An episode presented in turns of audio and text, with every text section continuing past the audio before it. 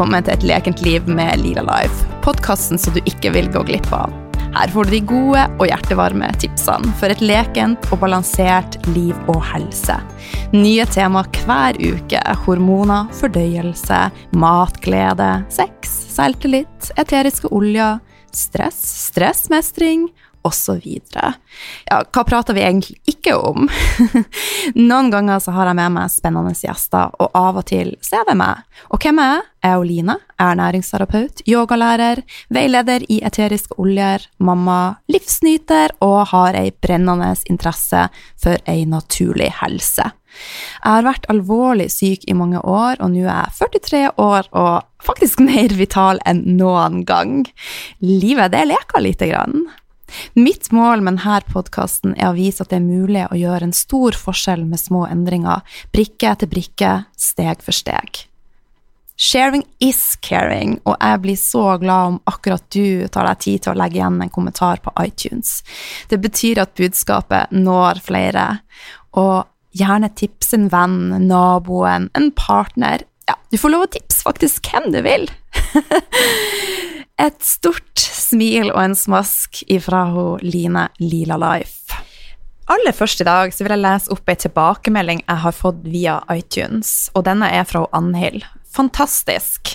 Har bare én ting å si, at jeg elsker denne podkasten. Har lært så mye, eh, og endelig skal jeg få orden på helsa mi. Tusen takk, Line.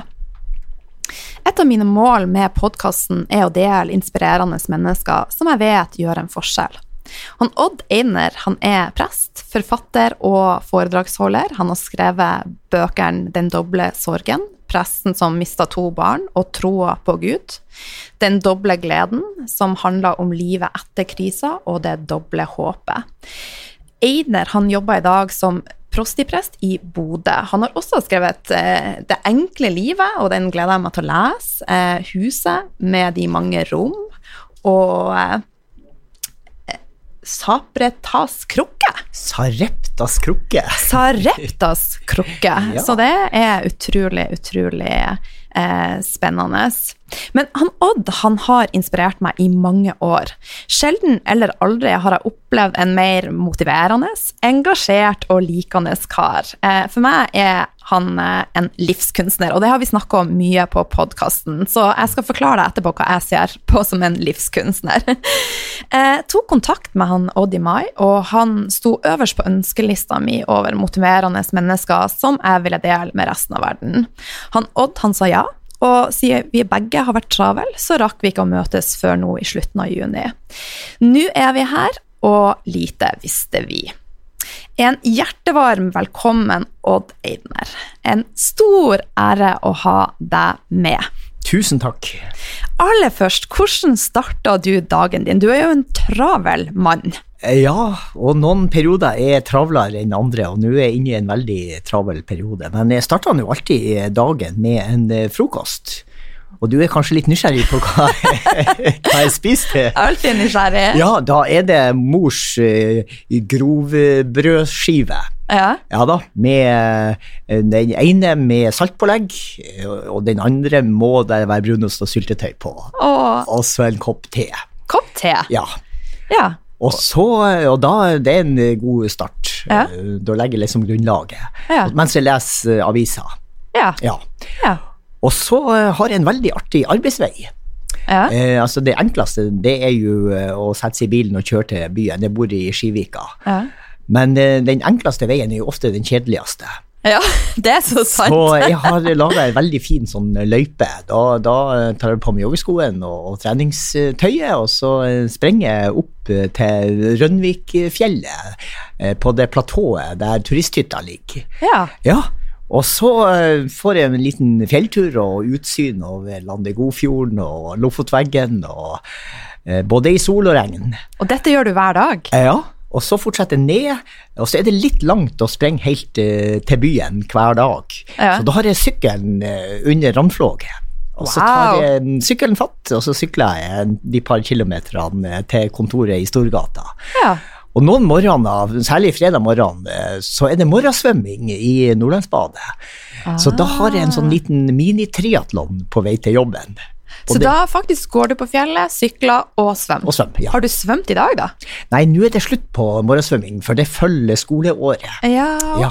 Så, Ja. så det savner jeg litt i dag, for fredag det det er en sånn god start på dagen med morgensvømming. ja, det skjønner jeg. Ja. Ja.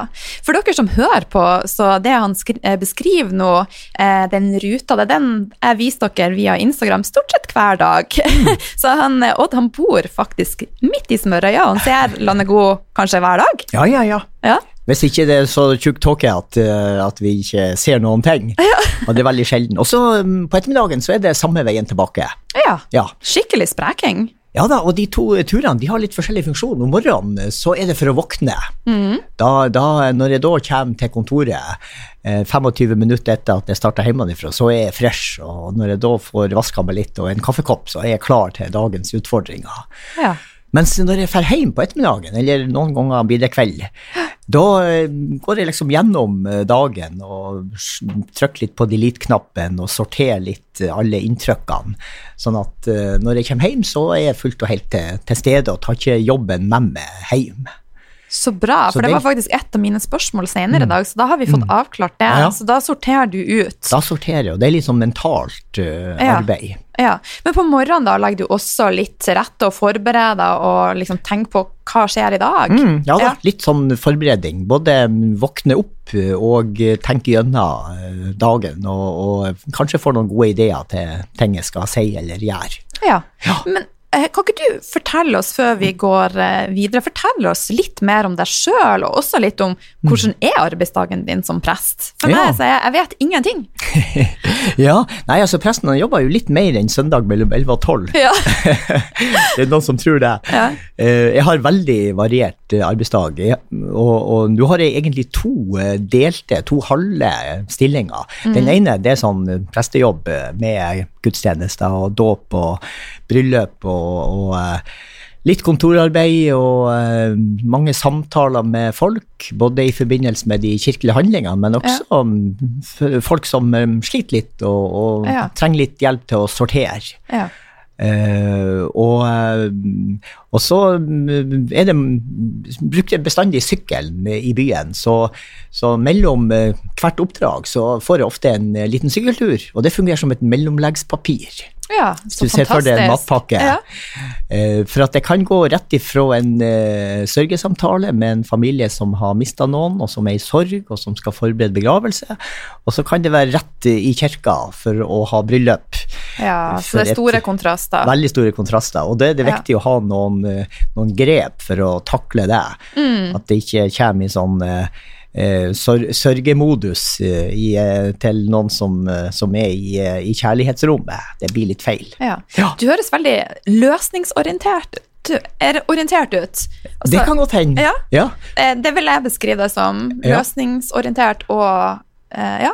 Jeg bruker jo ofte det her bildet at vi mennesker er som hus med mange rom, og, og det er et, et veldig nyttig redskap for meg. For når jeg da har hatt en samtale med, med noen eh, om sorg, så forestiller jeg meg at da, da går jeg ut av sorgens rom som jeg har vært på besøk i, og så lukker jeg igjen den døra. Og så går det åpner ei anna dør, f.eks. til gledens rom, eller til kjærlighetsrommet, eller til oh, så treningsrommet. Fint. Så fint. Ja, og så er det her. Og så kan det være bare i ett rom om gangen. Ja. Og dette tror jeg jo noe alle kan lære seg eh, å benytte i livene deres. For at Mm. Ja. hvis vi ikke klarer å lukke igjen av og til, så kan det bli litt eh, overveldende, tenker jeg. Ja, og hvis Ja. at eh, jeg skulle liksom uh, fylles med masse forskjellige følelser, da, da ble du liksom eh, presten sånn ja, midt, midt på treet hele tida. Ja. Og, nei, det gjelder å være til stede i, eh, der, der man er, Ja. fullt og helt. Ja. Og så er det spennende med de store kontrastene. Mm. Mens den andre delen av jobben, eh, da jobber jeg for biskopen med å legge til rette og praktisere veiledning for andre prester og kontakt med studenter. og du er sånn- lærer også? Ja da. Ja. Og, og så har jeg jo en del foredrag, og um, både for uh, helsevesenet og universitetet og menighet og, og rundt omkring. Men det er liksom den, den tredje hatten, eh, for Ja. det er et sånn privat foretak jeg har, der jeg, der jeg gjør det. Ja, det er i hvert fall ikke mye tid for å kjede seg. Nei, og alt henger sammen, altså. Det, det handler om livet på, på godt og vondt. Mm. Ja. Livet under en åpen himmel. Ja, så Ja. flott. Ja. Men du, første gangen vi møttes eh, Jeg har jo ei tidligere karriere Ja. som aerobic-instruktør. og jeg jobber på noe som heter Friskhuset, og jeg hadde en policy om at hvis det veier bare én person på timen, så avlyste jeg. Men så kom du, eh, og det var kun Ja. du. Ja, det husker jeg godt. Og da tenkte jeg ok, dette kan gå, for han virka så positiv, han virka så likende, så jeg spurte Mm. deg skal vi kjøre, og du sa ja, klart vi skal. Ja. Så den eneste gangen jeg har hatt aerobic-time for én person. ja. og jeg husker det godt, og jeg syns det var så fint at du For jeg følte at du, du tok meg på alvor. At du, du avviste meg ikke, selv om at jeg var alene. Og det ble ikke sånn kleint Nei. heller. Vi, vi kjørte programmet, og, Ja. Litt sånn tilpassa til at jeg var alene. Og, og det minner meg om, eh, hvis du tar ei lita historie fra min eh, virkelighet Klart. Eh, Jeg har ikke opplevd det sjøl, men det var en, en prest som opplevde at når klokka var 11 og de skulle starte gudstjeneste, så var det én person som var kommet, Ja. som satt i benken. Og presten han så nok sitt snitt til at eh, her kan jeg ta en fri søndag. Men han syntes han måtte spørre den mannen der først, Ja. så han gikk ned og spurte eh, du, eh, du ser at det er bare du som er kommet i dag. Hvis du syns det er samme som meg, så, så avlyser vi gudstjenesten. Ja. Så sier han eh, ja, jeg har ikke greie på sånne kirkelige ting, men, men det vet jeg nå at eh, eh, For at jeg er bare en enkel sauebonde. Eh, Men, men eh, og jeg vet i hvert fall at hvis det kom eh, bare én sau til kveldsfòret, så skulle han jo få mat likevel. ok. Han så nok at presten ble litt eh, stram i ansiktet når han sa ok, mat skal bli. Så han tok på seg kjolen og, og gjennomførte eh, messa og la inn et par ekstra poeng i preika og nattvær og full pakke. Og når han var veldig var ferdig, så kom han ned til han mannen og sa ja, hva du sier, er du fornøyd med serveringa? Ja, sier han, jeg er nå bare en enkel sauebonde, og jeg har ikke greie på sånn, men det vet jeg nå at hvis det kom bare én sau til kveldsfòret, så skulle han jo ikke få all maten alene. det er noe med Ja. passe dose, som hun Kari Bennes eh, Ja. synger om. Ja. Og tilpasse litt serveringa etter hvor, eh, hvem som er der, og hvor mange som er. Ja. ja. Så Og, men det syns jeg vi klarte på den det klarte vi veldig, veldig bra. Ja, ja. Det var en fin stund, og det er jo mange år siden, men jeg husker det fortsatt veldig, veldig godt. Mm. Ja. Ja, men det samme. Ja. Eh, du har fortalt litt om hvordan hverdagen er, eh, men fortell meg litt mer om bakgrunnen din, og hva gjorde at du valgte å bli prest? Ja. Jeg vokste opp på en eh, liten plass i Steigen, på ei lita øy som het Lundøya. Og, og det var en liten og trygg verden. Um, og um, vi hadde ikke noe kirke, så det var liksom ikke der at jeg fikk den tanken at jeg skulle bli prest. Men så flytta vi til, til Engeløya, og, og da kom det en, en ung prest som eh, eh, som jeg var kjent med, og som inviterte eh, oss ungdommer hjem i prestegården. og Det var veldig hyggelig, og vi kunne sitte og snakke om, om, om alt som vi var opptatt av. og så jeg begynte på, på gymnaset, på Fauske, og, og der kom jeg også inn i et sånn kristent ungdomsmiljø Ja. som var veldig flott. altså. Da så jeg at de kunne kombinere eh, det å, å tro på Gud med, med vanlige aktiviteter, gå på ski og, og ha det artig. Og, eh, og så, så da jeg var ferdig på gymnaset, så jobba jeg et år som ettåring i menigheten der på Fauske. Og, og det var da jeg bestemte meg at eh, ok, kanskje, kanskje jeg skal studere, reise til Oslo og studere teologi og bli prest. Ja. Men det var jo et uh, kultursjokk å komme både til Oslo, storbyen, og, og, og likedes det der teoretiske, um, teologiske studiet. Det var eh, Jeg er en, en enkel sjel, og, og det var Jeg streva veldig med å liksom komme inn i den akademiske eh, Ja. tenkninga. Ja. Eh, Men jeg gjennomførte en studie og hadde hele tida kontakt med heimeplassen og, og jobba som prestevikar om sommeren. Og syntes det var veldig viktig å holde den kontakten med, med, med heimemiljøet mitt. Eh, Så det var jo en stor dag når jeg da ble ordinert, så vi sier, til, til prest hjemme i Steigen for eh, 33 år siden. Ja. Ja. Årene, de flyr. Årene de flyr, altså. Men, men så opplevde jeg jo når jeg da kom eh, For da var vi helt eh, bestemt på at da, da skulle vi nordover igjen, jeg og fruen. Mm. Men når jeg da kom hjem og, og skulle bruke det her eh, akademiske språket som jeg har lært, så funka det jo ikke. Nei. Det, var men det funka jo bare mm, i det akademiske studentmiljøet, ikke i møte med, med folk. Så da måtte jeg liksom eh, finne tilbake til det språket jeg hadde før. Rett og slett finne deg sjøl litt. Ja, finne meg sjøl i en Ja. ny rolle. Ja.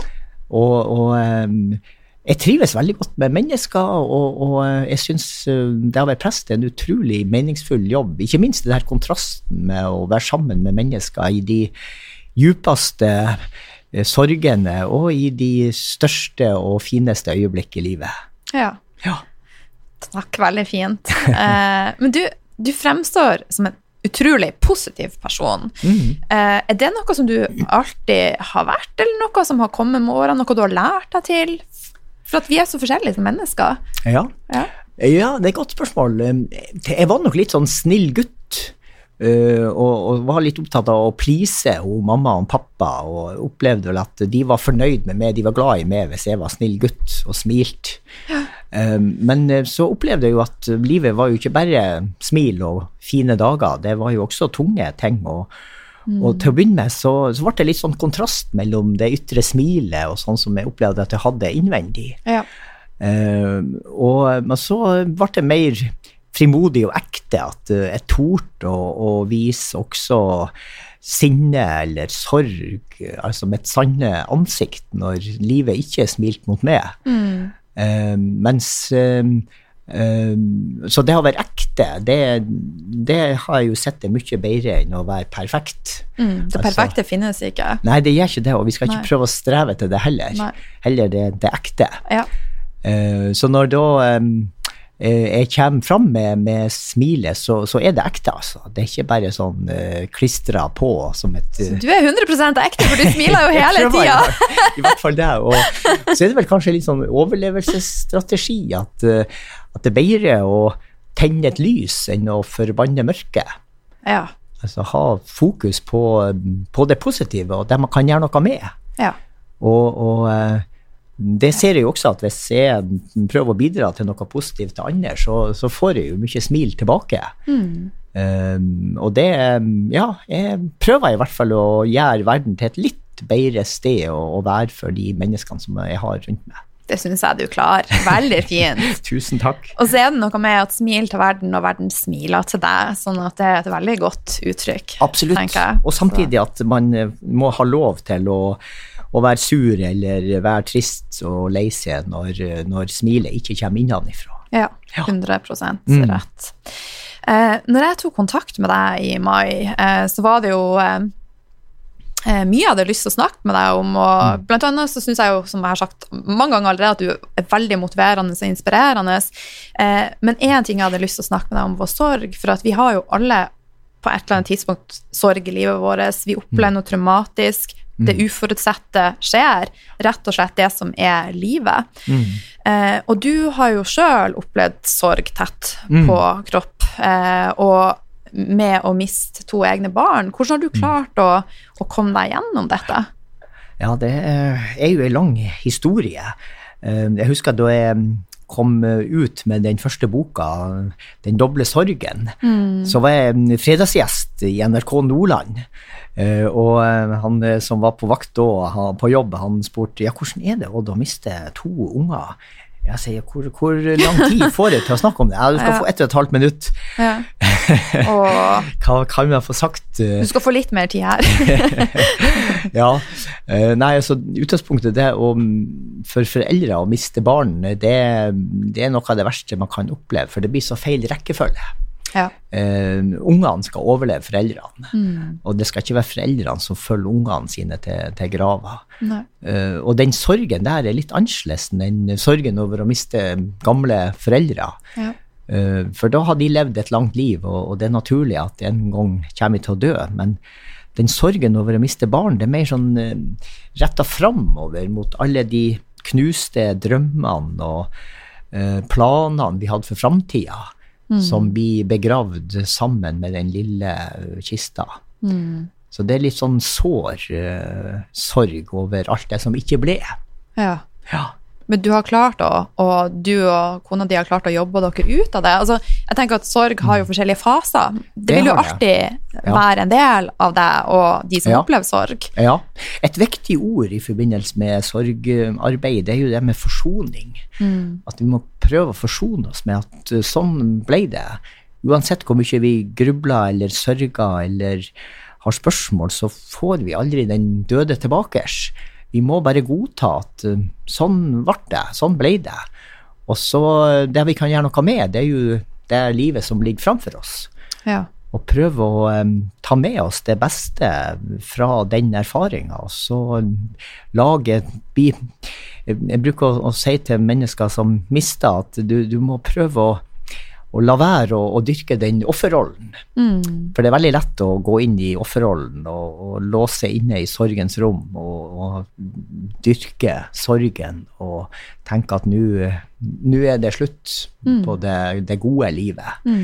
Um, man skal ikke bo i sorgens rom resten av livet. Nei. Må kanskje være der en stund for å bearbeide sorgen, men så skal man ta i bruk de andre rommene i huset. Både treningsrommet, og kjærlighetsrommet og gledesrommet og arbeidsrommet. Ja. Uh, og, eh, og bli prosjektleder i eget liv. ja. Og rett og slett ikke la sorgen bli livet, som du sier. Nei, ikke sant? Ikke la sorgen bli livet, og ikke, ikke synes synd på seg sjøl, men, men uh, se hva slags muligheter det, den erfaringa kan gi.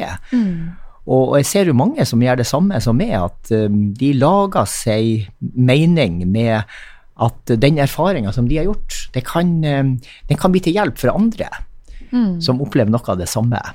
Ja. Uh, jeg har jo valgt f.eks. å engasjere meg i Leve. ja. Ser du her en sånn fin For etterlatte ved selvmord. Ja. Og det ser jo at eh, mange eh, får hjelp til å bearbeide den sorgen eh, i møte med, med andre som har opplevd det samme. Og så kan de i neste omgang bli ressurser og snakke med, med andre. Og være eh, formidle håp om at, eh, at det går an å få et godt liv også etter at det verste har skjedd. ja. Så dette er noe du gjør da på fritida di? Og, Ja, det er nok litt sånn i Ja. Gråsonen mellom Ja. eh, fritid og arbeid. ja. Men, men Det er rett og slett sånn som meg, at jobben er din livsstil, for det, det blir nesten det. kan du godt si, og, Ja. og det er nok blitt mitt livskall også, Mm. det, det der å prøve å formidle håp om at uh, det går an å få et godt liv også etter at, uh, at ei krise har skjedd. Ja. Ja. Uh, vi har jo sjøl opplevd en del eh, Altså, alle har jo en eller annen sorg som de bærer med seg. Mm, Og mm. eh, når jeg tok kontakt med deg, så var det jo mye basert på ei trafikkulykke som vi opplevde i 2007, og andre Mm. ting som, som er veldig tung. Så jeg hadde bare veldig lyst å, å prate Mm. med deg. Eh, og etter det som har eh, skjedd nå, da, så var vi Mm. jo litt i tvil om det veier rett, men jeg gikk inn i meg sjøl og så tenkte jeg at skulle, det, skulle vi finne et tidspunkt som var rett, så var det nå. For at det er nå vi trenger det. Og det er også når noen velger å forlate oss, så er det jo litt eh, annen setting og eh, mye følelser og eh, Det er rett og slett tungt. Ja, Ja. ja. Ja, og dette med mm, døden eh, og, og sorgen, altså, den rammer oss jo helt tilfeldig. Og eh, jeg bruker å si at, at døden spør ikke om det passer. Nei. Den bare kommer, og så må vi, eh, må vi ta det når, når det kommer. Og, og livet skjer eh, hulter til bulter. Det gjør det. Uh, og det er ikke alt vi kan planlegge. Livet blir sjelden sånn som vi planlegger. Jeg tenker nesten aldri. Nei, det er sant det. Og, og det å snakke om de vanskelige tingene, det er jo minst like viktig som å snakke om det, det fine. Um, men så er det jo sånn at det man kan snakke om, det kan man gjøre noe med. Mens det som blir så vanskelig og uhåndterlig, og vi bare putter i kjelleren eller under teppet, det, det, det blir vanskelig. Det, det gjør noe med oss.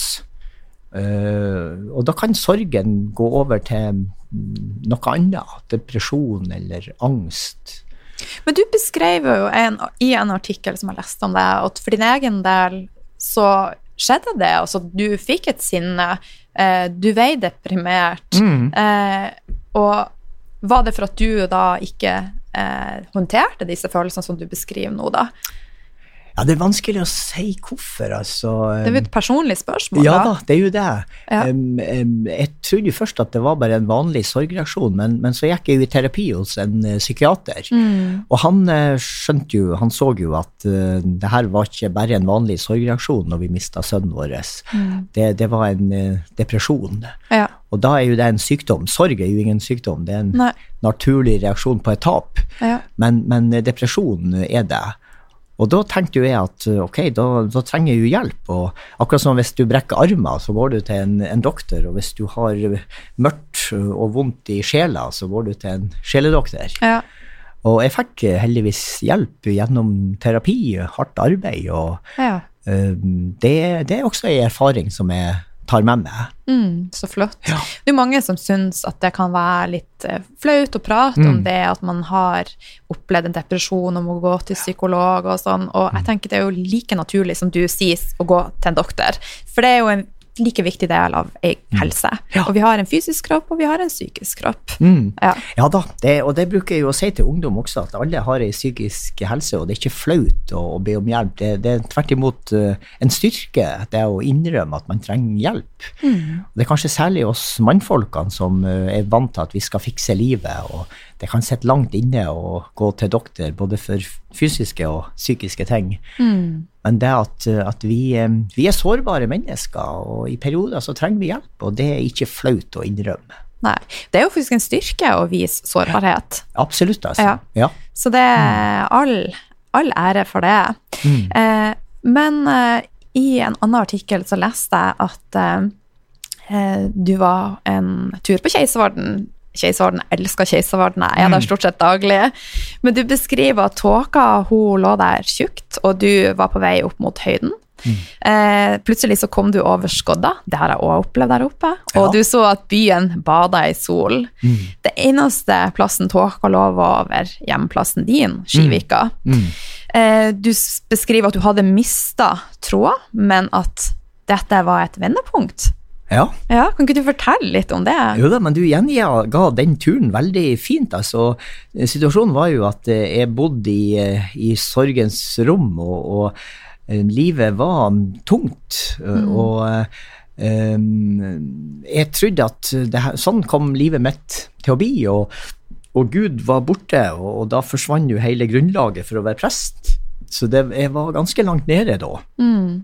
Og så skulle vi, skulle vi eh, reise på vårferie til Paris den dagen. Ah. Ja, så vi, vi hadde såpass overskudd at vi skulle mm, gjøre noe hyggelig. ja. Um, men, men så da våkna vi da om morgenen at eh, skodda lå tjukk utenfor huset. Og, eh, så vi tenkte med en gang oi, da går ikke flyet. Ja. Da, da mista vi den eh, hyggelige turen som vi har gledd oss til. Men det var først på ettermiddagen vi skulle reise, så jeg tenkte jeg tar med en tur på Keiseren. Jeg bruker også ofte å gå dit. ja. Uh, og, og da opplevde jeg jo det her at når jeg kom litt opp i lia, så kom jeg over skodda og så at uh, sola skjente og flyene gikk som normalt, og Ja. fuglene søngte, og den der tåka, det var kun rundt husene våre. Ja. Og det var jo den tanken som slo meg at oi, det var ei større virkelighet utafor eh, enn det som jeg kunne se når jeg satt i, huset. For da så det ut som at det var skodde overalt. ja. Og så tenkte jeg, i den skodda, i det mørke rommet, har jeg bodd. Eh, og da så jeg verken Gud eller mening med livet eller noen ting. Og så når jeg kom bare litt opp i lia, så kunne jeg se meg sjøl sånn utenfra. Mm. Eh, og det, det var en av de flere episoder som jeg opplevde på turer ute i naturen. ja. At eh, der, er, der er noe mer enn det vi kjenner på følelsene, eller når vi ser når vi stenger oss inne i et mørkt rom. Mm. Um, så det å se livet sitt utenfra, det ble en veldig nyttig uh, erfaring. Og også at man skal ikke bare stole på følelsene sine. Um, der kan være noe mer, eh, og kanskje um, Kanskje har Gud vært der hele tida, men jeg så han ikke når jeg satt i det mørke rommet. Nei. Mm. Veldig fint beskrevet. Det er en veldig fin metafor, for at det er jo Ja, det handler om å løfte blikket litt og åpne horisontene og Ja. komme seg ut av, Mm. som du sier, det mørke rommet. Mm. Det tror jeg det er mange som kan kjenne seg igjen i. At man ja. blir sittende inne i sin eget, sitt eget mørke, sorg og så. Ja, Mm. vanskelig å, å reflektere, egentlig. Mm. Ja. Mm. Ja. Ja. man trenger ofte et korrektiv til sin egen indre verden, enten andre mennesker. Hvis man har dårlig selvbilde, så, så må man bruke andre som speil for å få litt uh, korrigert den der eh, dårlige Mm. eh, selvfølelsen. Og, og, og det å bli sett av Gud også, og kjenne at, at man er elska av Han, det, det gir også en eh, ekstra styrke, opplever jeg. Mm. Mm. Jeg har to spørsmål. eh, Jeg har flere spørsmål, men to ting rundt dette. Det første er hva betyr naturen for deg? Altså, jeg har jo forstått at det betyr mye for deg, men hva? Kan du klare å beskrive hva det gjør for deg, og hva det betyr sånn, for Odd? Ja, det var det. Ja, altså, det betyr utrolig mye. Jeg tenker jo at eh, det er veldig mye her i livet som er mm, flyktig og har kort eh, holdbarhet. Eh, mens naturen den er ei ramme for livet vårt som, som har vært der. Børvastinnene de, de var der lenge før vi kom til verden. De er stødige. de er stødige, og de Ja. kommer til å fortsette å stå der lenge etter at vi er lagt i jorda. Ja. Så det, det er ei, ei stødig ramme for livet. Ja. Og så opplever jeg at vi er en del av naturen. Eh, Vi, vi, jeg må ha en daglig dose natur for å kunne være et menneske.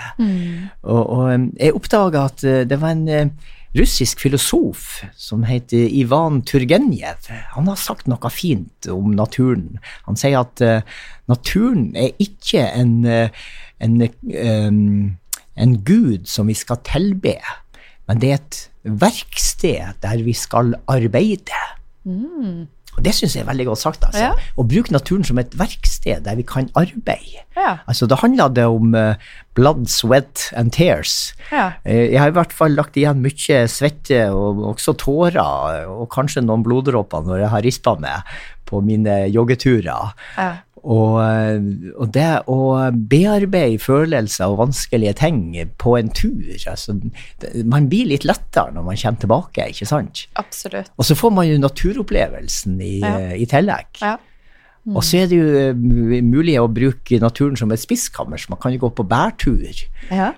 Og man, det nyeste jeg har oppdaga nå, det er at man kan spise spirene av rognebær. Okay. Og det smaker faktisk utrolig godt. Det smaker Ja. som mandler. Ok. Så det må du prøve. Ja. Det er de helt nyeste spirene på rognebærbladene, nei, trærne. Ja, Utrolig godt. akkurat. Ja. Så det finnes det, altså det er et skattkammer, rett og slett. Ja, ja det, det er det. Og, og den, altså, vi må jo selvfølgelig være litt forsiktige at ikke vi, vi bruker den, over, overforbruker den. Mm. Så for eksempel at de nå har steinlagt den stien opp til, til Keiservarden med skjerpbær fra Nepal, det er jo Ja. veldig flott, altså. Ja, For at naturen er jo sårbar også, vi må ta vare på den. det er sant. Sånn at også ungene våre og neste generasjon kan eh, ha den samme flotte opplevelsen ute i naturen som vi har. Ja. Men eh, du sier at du ofte svetter i naturen. Jeg er sånn at Hvis jeg trenger ro, så kan jeg òg bare gå ut i naturen og virkelig ikke svette, men det motsatte. Kanskje bare sette meg ned og holde rundt et tre Ja. og hvile litt eh, jorda og finne ro. Hva gjør du når du trenger å stresse ned og roe ned? Eller trenger du aldri det? Jo da, det er absolutt. Eh, man kan ikke gå på høyere hele tida. Eh, så det, man må veksle mellom makspuls og hvilepuls.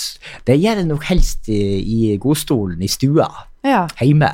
ja. Eh, med litt musikk, eller eh, ser på TV, eller eh, ja, Hvilken musikk hører du på, da? Ja, hvis jeg skal være rolig, så må jeg høre på rolig musikk. Og, og hvis jeg skal mm, ha action, så, så må jeg høre på rock. Ja. Ja. så det er jo veldig flott å tilpasse musikken etter hva slags sinnsstemning man er i. Mm. Ja. Og så, og så har jeg en veldig flott oppfinnelse, altså, som det ikke er som har funnet den opp. Altså. Det er en middagshvile.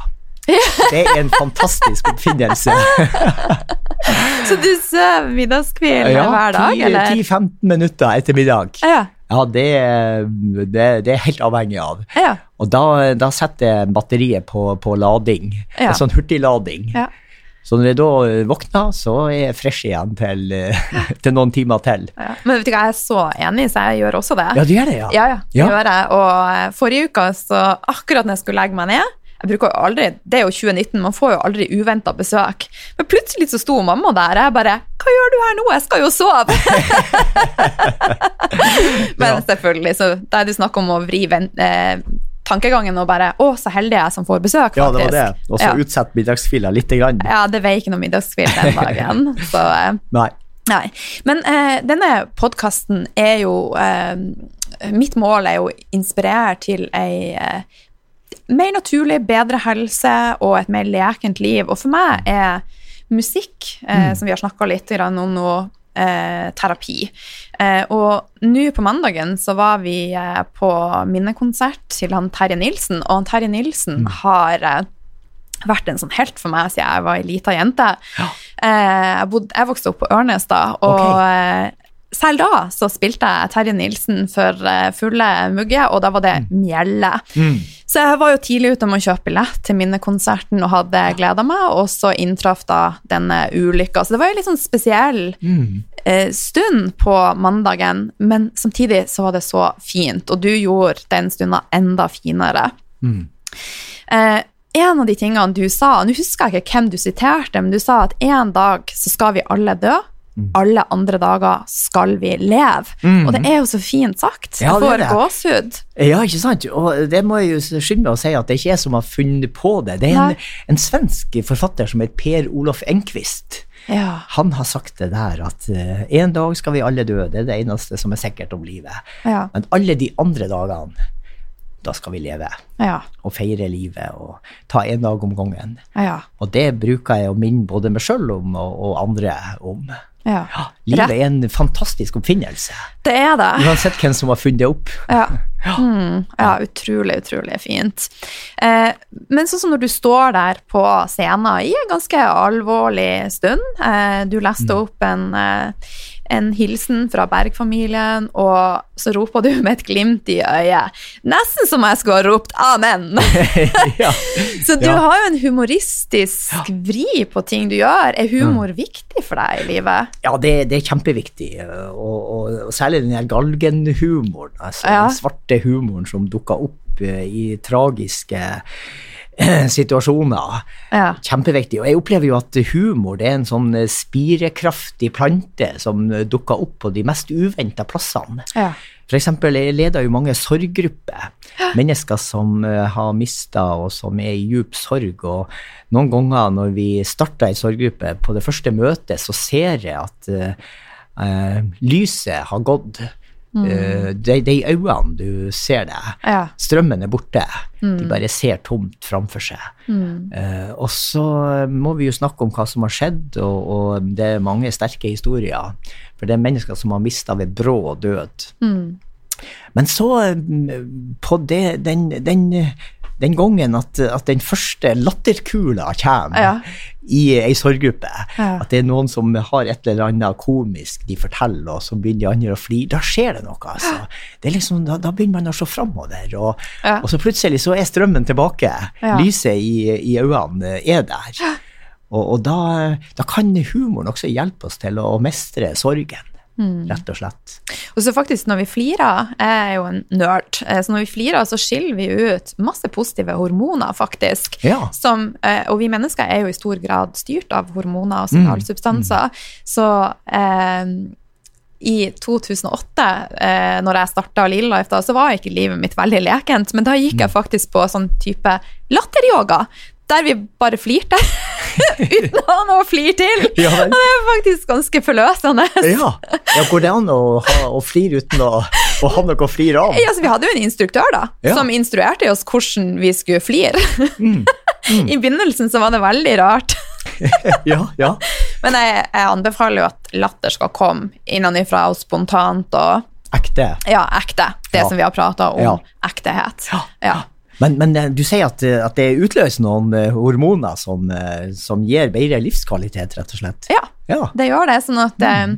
eh, han Petter Stordalen, blant annet, som eh, han er en artig type, men han sier Ja. jeg ser aldri en film eller en serie hvis det ikke har en happy ending, og hvis jeg ikke kan flire. Mm. Og det har litt også med hva vi velger å eh, for det første ta inn over oss, Mm. og også hvordan vi velger å se ting. Sånn at ja. Mm, det, Ja. det er sant, det.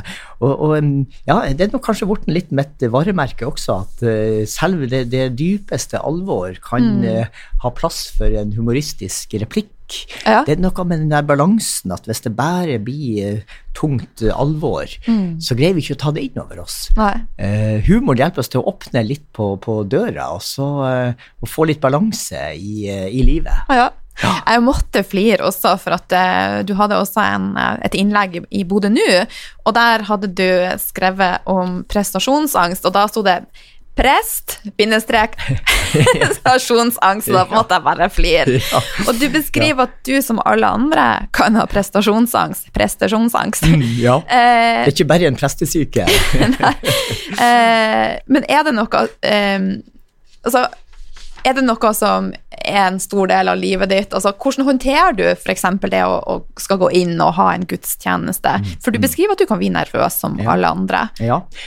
ja, og særlig eh, gudstjeneste er jo én ting, men en sånn eh, stor og krevende begravelse, det, det er veldig, eh, veldig krevende. Og det har jeg hatt mange ganger.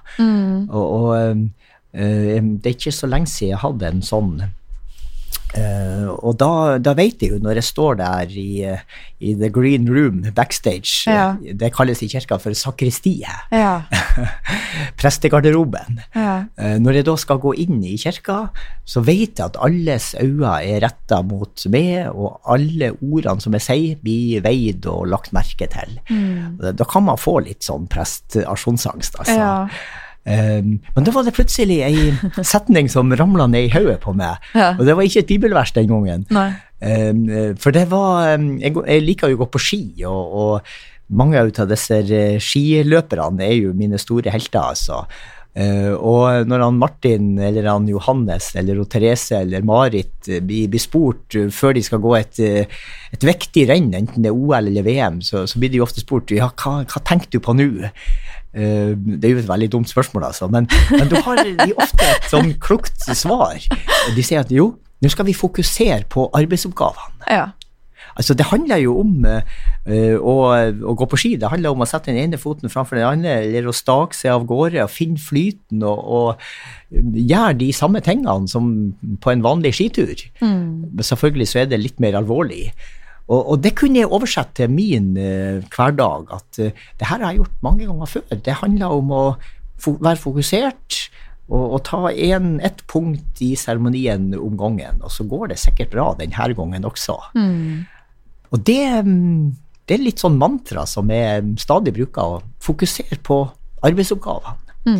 Eh, ta én ting om gangen, vær til stede.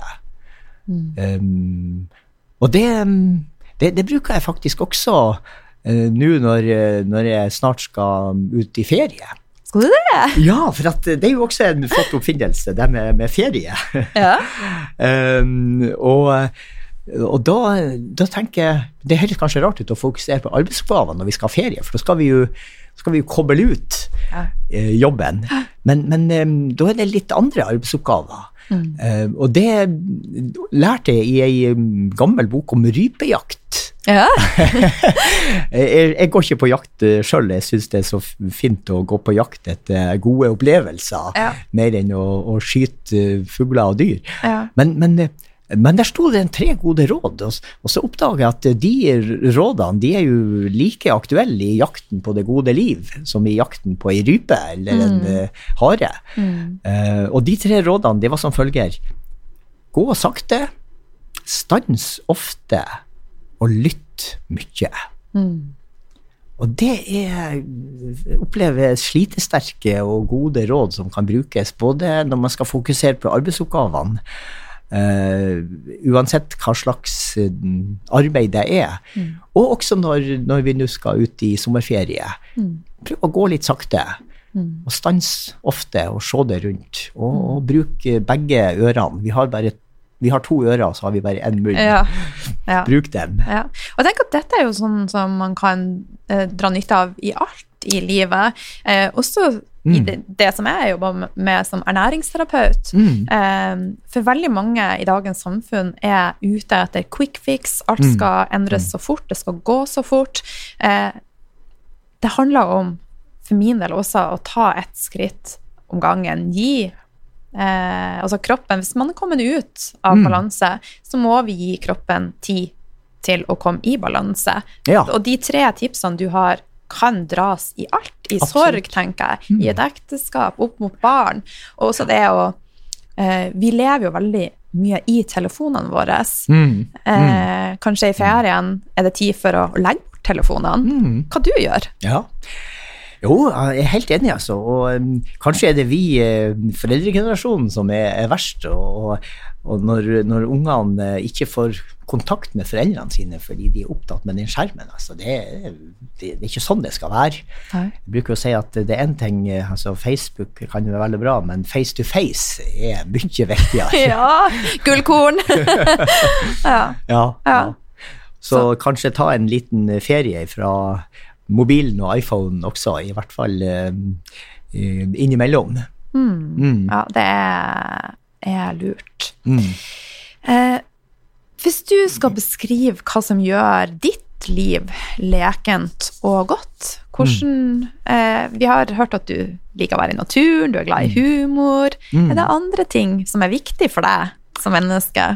Ja, jeg ser jo også, når, kanskje særlig når jeg har krevende arbeidsoppgaver, hvor viktig det er å ha eh, familie. Mm. Og um, ha noen hjemme som venter, og planlegge ting som vi kan gjøre i lag. Ja. Det å komme hjem etter en lang arbeidsdag, det, det er en viktig eh, batterilader. ja. Og eh, vi har jo ei kjempeflott datter som vi galerer oss til kommer hjem. Åh, Kommer hjem i eh, morgen. spennende. Så da skal vi eh, ha ferie i lag. Ja. Og så det å være del av et eh, lokalmiljø og naboskap og ja, så høyt til en plass. Ikke bare være på full fart eh, rundt omkring, men, men være, vær rota en plass. eh, Både i barndomsheim og, og i et lokalsamfunn og naboskap og familie. ja. Det er, det er kjempeviktig. Det tror jeg blir mm, stadig viktigere, ser jeg. Mm. Ja, Høyre til en plass. Ja. Du er jo ikke opprinnelig fra Bodø, men du har funnet din plass her, og du føler at Bodø er din by nå, eller? Ja, absolutt. altså. Bodø var alltid byen eh, når jeg bodde hjemme i Steigen, men eh, det var jo ikke ofte vi var der. eh, Men det var alltid stas å fære til byen, og, og nå har jeg jo bodd her i Bodø i over 20 år, 25 år, og uh, oppdaga at ja, innimellom så har jeg vært frista til å flytte, både pga. været og så har jeg jo tenkt at det kunne jo vært fint å kanskje være eh, sjømannsprest eh, i Spania og tøfla rundt i Jesus-sandaler og satt på stranda og levde gode Jeg tror vi er ganske like. Jeg vurderte å flytte til Spania i vinter. Ja, ja, du gjorde det, ja. ja. Ja, da er det mange som gjør det, og følger trekkfuglene eh, nedover om høsten og tilbake om morgenen. Ja. Men um, det gode liv, det kan jo være her også. Og det var en klok mann som sa til meg når jeg nevnte her at det viktigste er, er ikke å, å bo på riktig stad, men å bo riktig på en stad. Ja. Det var et veldig klokt ord, altså. Mm. Og, og, og det ga meg igjen en sånn motivasjon, for at um, vi har jo så masse flotte folk og natur her i Bodø, og en meningsfull jobb, og eh, har jo eh, ja, bestemt oss for at her skal vi bo, og her skal vi dø, som det heter i Bodø. Ja. Det er jo litt sånn symbolsk, det navnet. ja, veldig. Ja. Og det her er sånn, Jeg starta med å si at jeg så på deg som en livskunstner. Mm. Eh, og dette er igjen et bevis på at du er en livskunstner. For det handler om å se de små tingene i livet som blir totalt stort. Mm. Ja, Mm. rett og slett. Mm. Så hver eneste dag når jeg spiser havregrynsgrøt, så tenker jeg hvor heldig jeg er som får spise denne grøten. Ikke sant? Åh, hvor godt denne kaffen smaker. Mm. Og, så det handler om å se de små tingene i livet og bare kjenne de bre seg inn i cellene. Ja, ja gjør hver dag til en uh, opplevelse Ja, for rett og slett. Mm. Og istedenfor sånn som jeg veier nå, er 43, noen tenker 'Å, gud, hvor gammel vi er blitt'. Mm. Jeg bare tenker alternativet er så mye verre. Jeg er så glad for å få leve. Ja, ja. Ja. Hva du tror jeg kan si som er 63? Du, du ser jo ikke ut som du er en dag over 50. Nei, men det er jo bare et tall. Det er jo Ja, det. ja det er det. Ja. Så alt handler om hvordan man føler, og hva man gjør ut av ting, rett og slett. Det er sant, det. Ja. ja. En dag skal vi alle dø, men alle andre dagene skal vi Leve, ja. nemlig. Ja. Nå skal vi begynne å runde av. Før vi runder av, er det noe som du tenker at jeg har glemt å spurt deg om, som det burde være viktig å få med, som du har lyst til å, å dele uttrykk? Et stort spørsmål. Hmm. Jeg syns du har fått med veldig mye, altså. Syns du? Det, det syns jeg. Og eh, jeg har fått snakka litt om livet mitt og hvordan jeg opplever livet her i Bodø, og syns jeg er utrolig heldig altså, som, eh, som får bo her og, og leve her. og eh, denne, denne dagen som han, eh, Erik Bye synger om, kan, eh, kan bli den beste dag. Og han var jo også en livskunstner. Ja. altså, han, eh, han eh, har jo levd et langt liv, og skulle tro at han var litt sånn vemodig, at nå gikk det mot slutten. Og så greier han likevel, så jeg tror det var den siste sangen han laga, dette, denne dagen kan bli den aller beste dag. Ja. Er ikke det en flott måte å starte en eh, ny dag på? Fantastisk. Og det er jo en fantastisk avrunding òg på denne episoden. Mm. Ja. Mm. Så da tror jeg jeg takker deg, Odd, så mye for at du tok deg tid til meg og til de som hører på i en travel eh, hverdag og ei tung stund.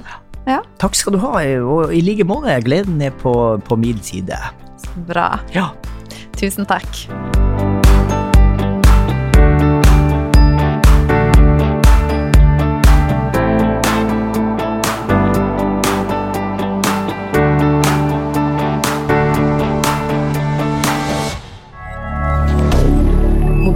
Canada.